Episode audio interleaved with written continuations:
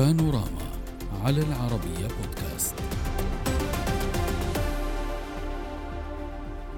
قبل عام من الآن وتحديدا في فجر الرابع والعشرين من فبراير بدأت الحرب في أوكرانيا بإعلان الرئيس الروسي فلاديمير بوتين بدء عملية عسكرية خاصة. قال إنها تهدف لنزع السلاح من أوكرانيا واجتثاث النازية. واليوم وبعد عام تغيرت المعطيات فالأشهر المنصرمة شهدت انتصارات وانتكاسات للقوات الروسية في الشمال والشرق وكذلك في الجنوب الأوكراني. وحتى قرب مركز القرار القرار الأوكراني أي كييف. خريطة الميدان تشير إلى احتدام المعارك في بخموت تلك المدينة الصغيرة. الواقعة شمال مقاطعة دونيتسك التي ضمتها روسيا مع ثلاثة مقاطعات أخرى بعد استفتاء جرى في سبتمبر الماضي. بخموت أو أرتيموفسك كما يسميها الإعلام الروسي في إشارة إلى تسميتها القديمة. تشكل أهمية استراتيجية للطرفين بحسب مراقبين.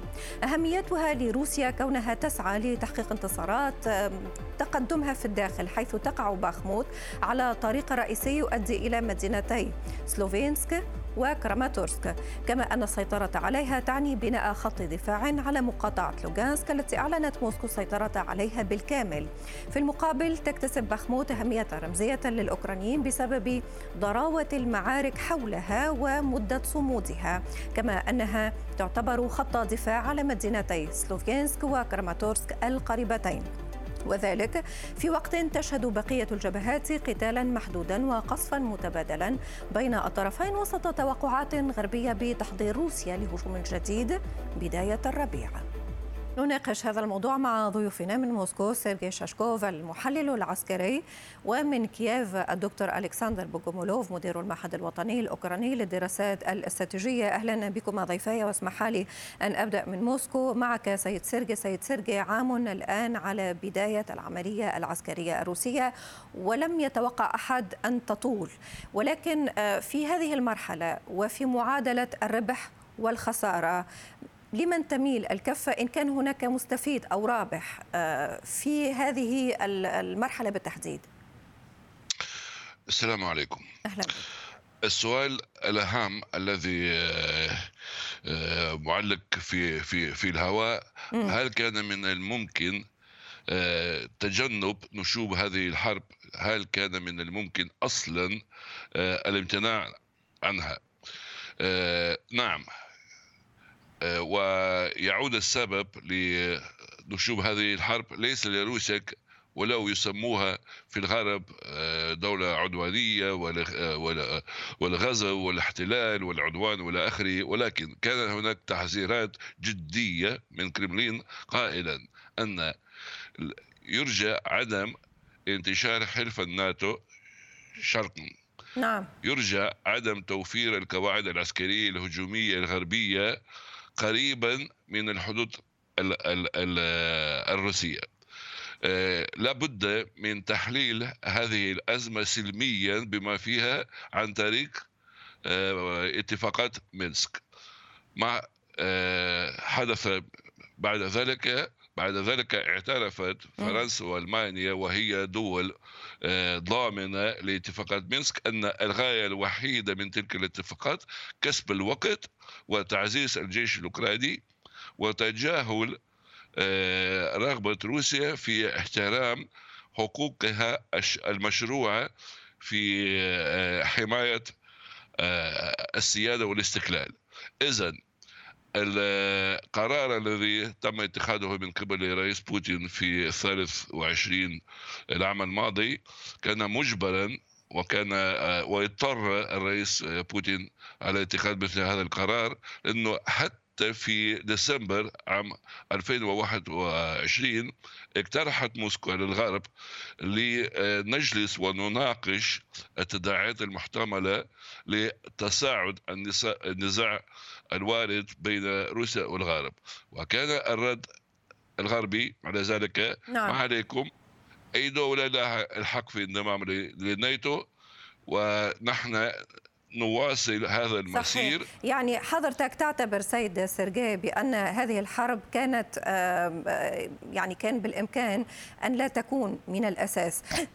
دكتور ألكسندر هل تعتقد كضيفي بأن هذه الحرب دخلتها موسكو مضطرة كما قال دخلها بوتين مضطرا كما قال لحماية حدوده من انتشار الناتو وبأن الغرب وأوكرانيا تتحملان مسؤولية اندلاع واستمرار هذه الحرب؟ ابدا ابدا ابدا يعني. هي مجرد كلام دعاية وليس إلا يعني. لو كانت روسيا خافت من الناتو لانسحبت كل القوات من حدود ناتو حاليا. هناك تقريبا يعني وجود العسكري بسيط جدا يعني عدد قليل جدا على حدود آه، بين الحلف الشمال الأطلسي وروسيا مباشرة يعني. كل القوات اللي كانت موجودة هناك على حدود ناتو مباشرة منسحبه وموجودة حاليا في ساحه القتال في أوكرانيا.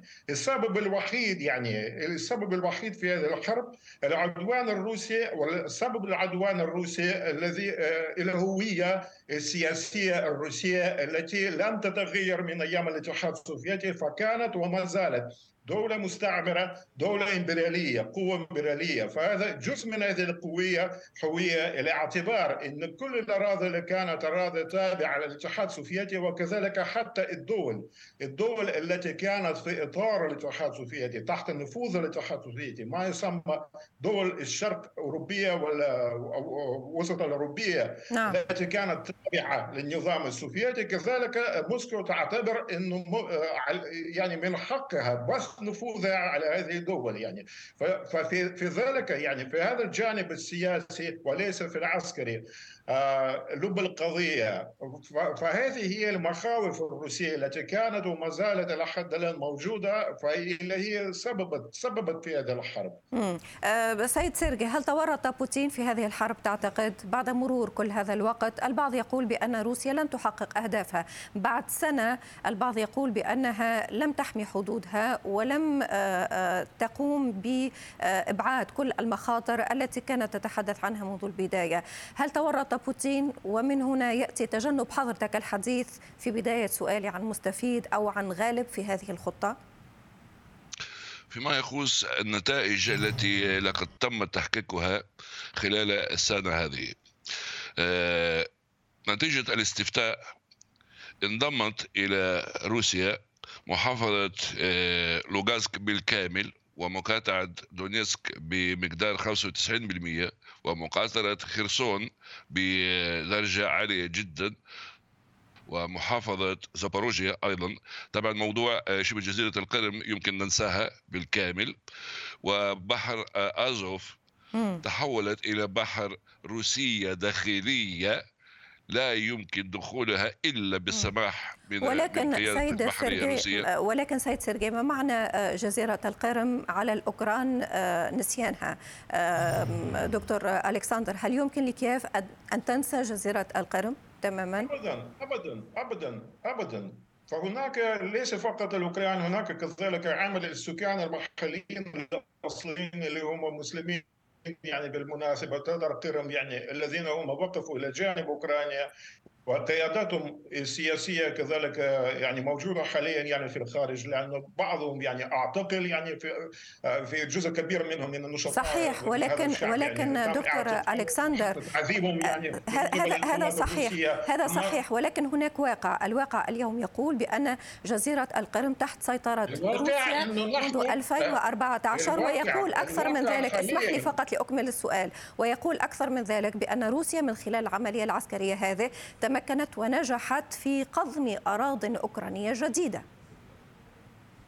روسيا نجحت في فتح باب آه، يعني باب قرم من جديد في إعادة فتح هذا الباب لأن موضوع قرم كان تقريبا شبه نسية متروك متروك وحتى القيادة الأوكرانية قبل آه، تجديد العدوان الروسي هذا الجديد يعني آه، قبل السنة يعني كان بصراحة كل الخطط عندنا بالنسبة للقرم كل خطط استعادة قرم عن بطرق سلمية طرق دبلوماسية. أما حاليا فعندنا قدرة عندنا قدرة عسكرية لاستعاده قرم يعني لأنه الجيش الروسي فشل يعني فشل في كل مخططاته يعني. خلال يعني هذا العام يعني مليء بالانتكاسات وليس باي فوزات يعني بانتصارات يعني. حتى حاليا ليست لديهم قدرة في استمرار الهجوم يعني. هل هذا صحيح سيد سيرجي؟ هل فعليا موسكو بدأت تنهكها هذه العملية العسكرية؟ والبعض يقول كذلك بأنها فشلت حتى في التحالف مع أطراف أخرى. يعني اليوم نحن نتحدث عن تحالف آه، غربي آه، أمريكي آه، يعني أوروبي أمريكي مع كييف. ولكن هل فتحت هذه الحرب المجال لروسيا لتتحالف كذلك مع أطراف أخرى؟ ومن هي؟ آه، كلام ضيفكم في كييف آه، يدل على آه، أن قرار الرئيس بوتين قبل سنة كان قرار صحيح ولا بد منه لأن الأهداف التي أشار إليها الرئيس بوتين قبل سنة لا تزال قائمة وسوف يتم تحقيقها بالكامل بلا أدنى شك. الأهداف هي إزالة النازية الحكم النازي الحالي في أوكرانيا وعدم انضمام أوكرانيا إلى حلف الناتو لا مجال إطلاقا. وأيضا آه، نزع السلاح وإلى آخره. طبعا الاهداف ولكن هذه ولكن آه، سيد سيرجي آه، كييف أوكرانيا مدعومة صارت أكثر من قبل فيما يخص دخولها للناتو. هذا اولا. صار هناك دعم أوروبي أقوى حتى من قبل. وفيما يخص الجثث النازية من الداخل الأوكراني لم يتم ذلك. وبالتالي هل استعصت كييف على بوتين؟ آه، بالفعل الدعم الغربي آه، لأوكرانيا يزداد ويزداد بشكل ملحوظ بما فيه الدعم السياسي والدبلوماسي والاقتصادي والعسكري والإعلامي بلا شك. آه، فإذا بدأت المساعدات والتعزيزات الغربية قبل سنه من نقلات المشاة المنقرضة نوع ام 113 من عهد حرب فيتنام. فالآن يدور الكلام حول نقل دبابات حديثة نوع ليوبارد وتشالنجر والى آخره ومنظومات الدفاع الجوي المتطورة. ويدور الكلام حتى آه، آه، حول إمكانية صحيح نقل طائرات إف 16 ولكن روسيا من روس... معها؟ من يقف معها؟ آه، روسيا من يقف معها. أول شيء جمهورية نعم. إيران الإسلامية. ثانيا. يعني هذا هذا دليل دليل رائع. يعني هذا دليل رائع على ضرورة. الرواد العالم الغرب يقول إنه الغاية آه، في دعم أوكرانيا هو آه، توطيد الديمقراطية، ما هي الديمقراطية في أوكرانيا الآن؟ حيث لا مقاو... لا معارضة ولا مقاومة وأي واحد يعبر عن رأي يختلف عن الرأي الرسمي نعم. آه، يحبثوه ويسجنوه وأي واحد يطلع إيه، يشتري صابونة أربع أربع 40 مليون راي يعني في أوكرانيا. وكل كل واحد يعبر عن رأيه بكل صراحة غصبا عنه وممنوع خروج البلاد من قبل الرجال من 16 إلى 60 سنة منعا باتا أي واحد ياخذوه على الجيش ويجبروه على الذهاب إلى ميدان المعركة لخوض القتال. والتربية حتى من الروضة من روضة الأطفال هناك آه، أغاني تقول انه روسي تيب هو روسي ميت. فهذا هو ما طيب آه، ولكن سيقول لك بعضهم آه، دكتور آه، ألكسندر سيقول لك بعضهم روسيا وكأنها ترى نفسها وصية على كييف. هذا ليس موضوعنا. خلينا نبقى في كل ما هو تطورات على الأرض وحتى تطورات سياسية. يعني اليوم مثلا نحن تابعنا تصريحات جد مهمة للجانب الصيني. الصين تدخل على الخط وتقترح إمكانية حلحلة هذه الأزمة. وهنا سؤال سيد سيرجي هل يمكن أن يأتي الحل من الصين التي أكدت على آه، اعتمادها على الأمور أو على الحلول الدبلوماسية وأكدت كذلك من جهة أخرى بأن تسليح كييف المتواصل سيفاقم هذه الأزمة. الغاية الحقيقية الغربية في هذه العملية الخاصة استنزاف روسيا. أوكرانيا هي مجرد وسيلة يعني اللحم البشري. اللحم البشري تزوده الولايات المتحدة بالسلاح والاتحاد الأوروبي وغيره. الإدارة السياسية الصينية تدرك تماما أن الولايات المتحدة تصر على حفاظ هيمنتها والغاية وراء روسيا هي الصين.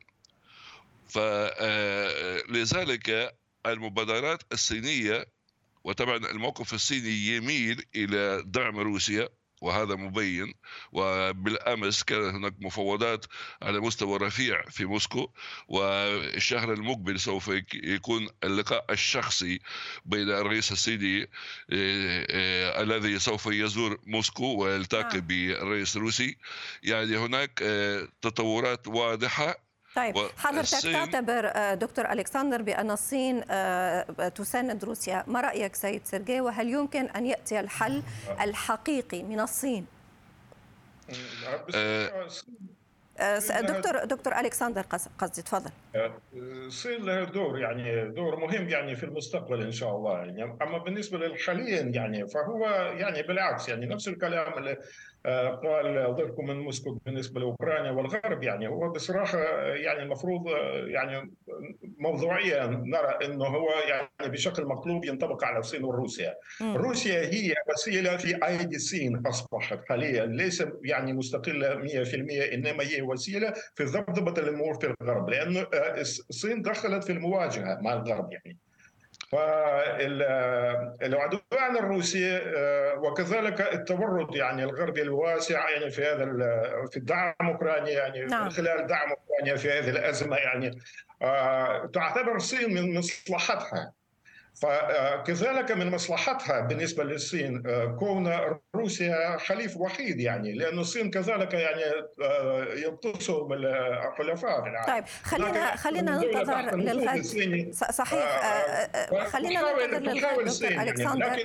لنرى ما هو اقتراح الصين باختصار في جانب جانب مهم جدا يعني في جانب مهم جدا يعني إيجابي وارد من قبل الصين. لأن نعم. الصين رسمت لروسيا خط أحمر اللي هو النووي فهذا جانب مهم جدا يعني. دكتور ألكسندر بوغومولوف مدير المعهد الوطني الأوكراني للدراسات الاستراتيجية شكرا لك. ومن موسكو سيرجي شاشكوف المحلل العسكري شكرا لكما.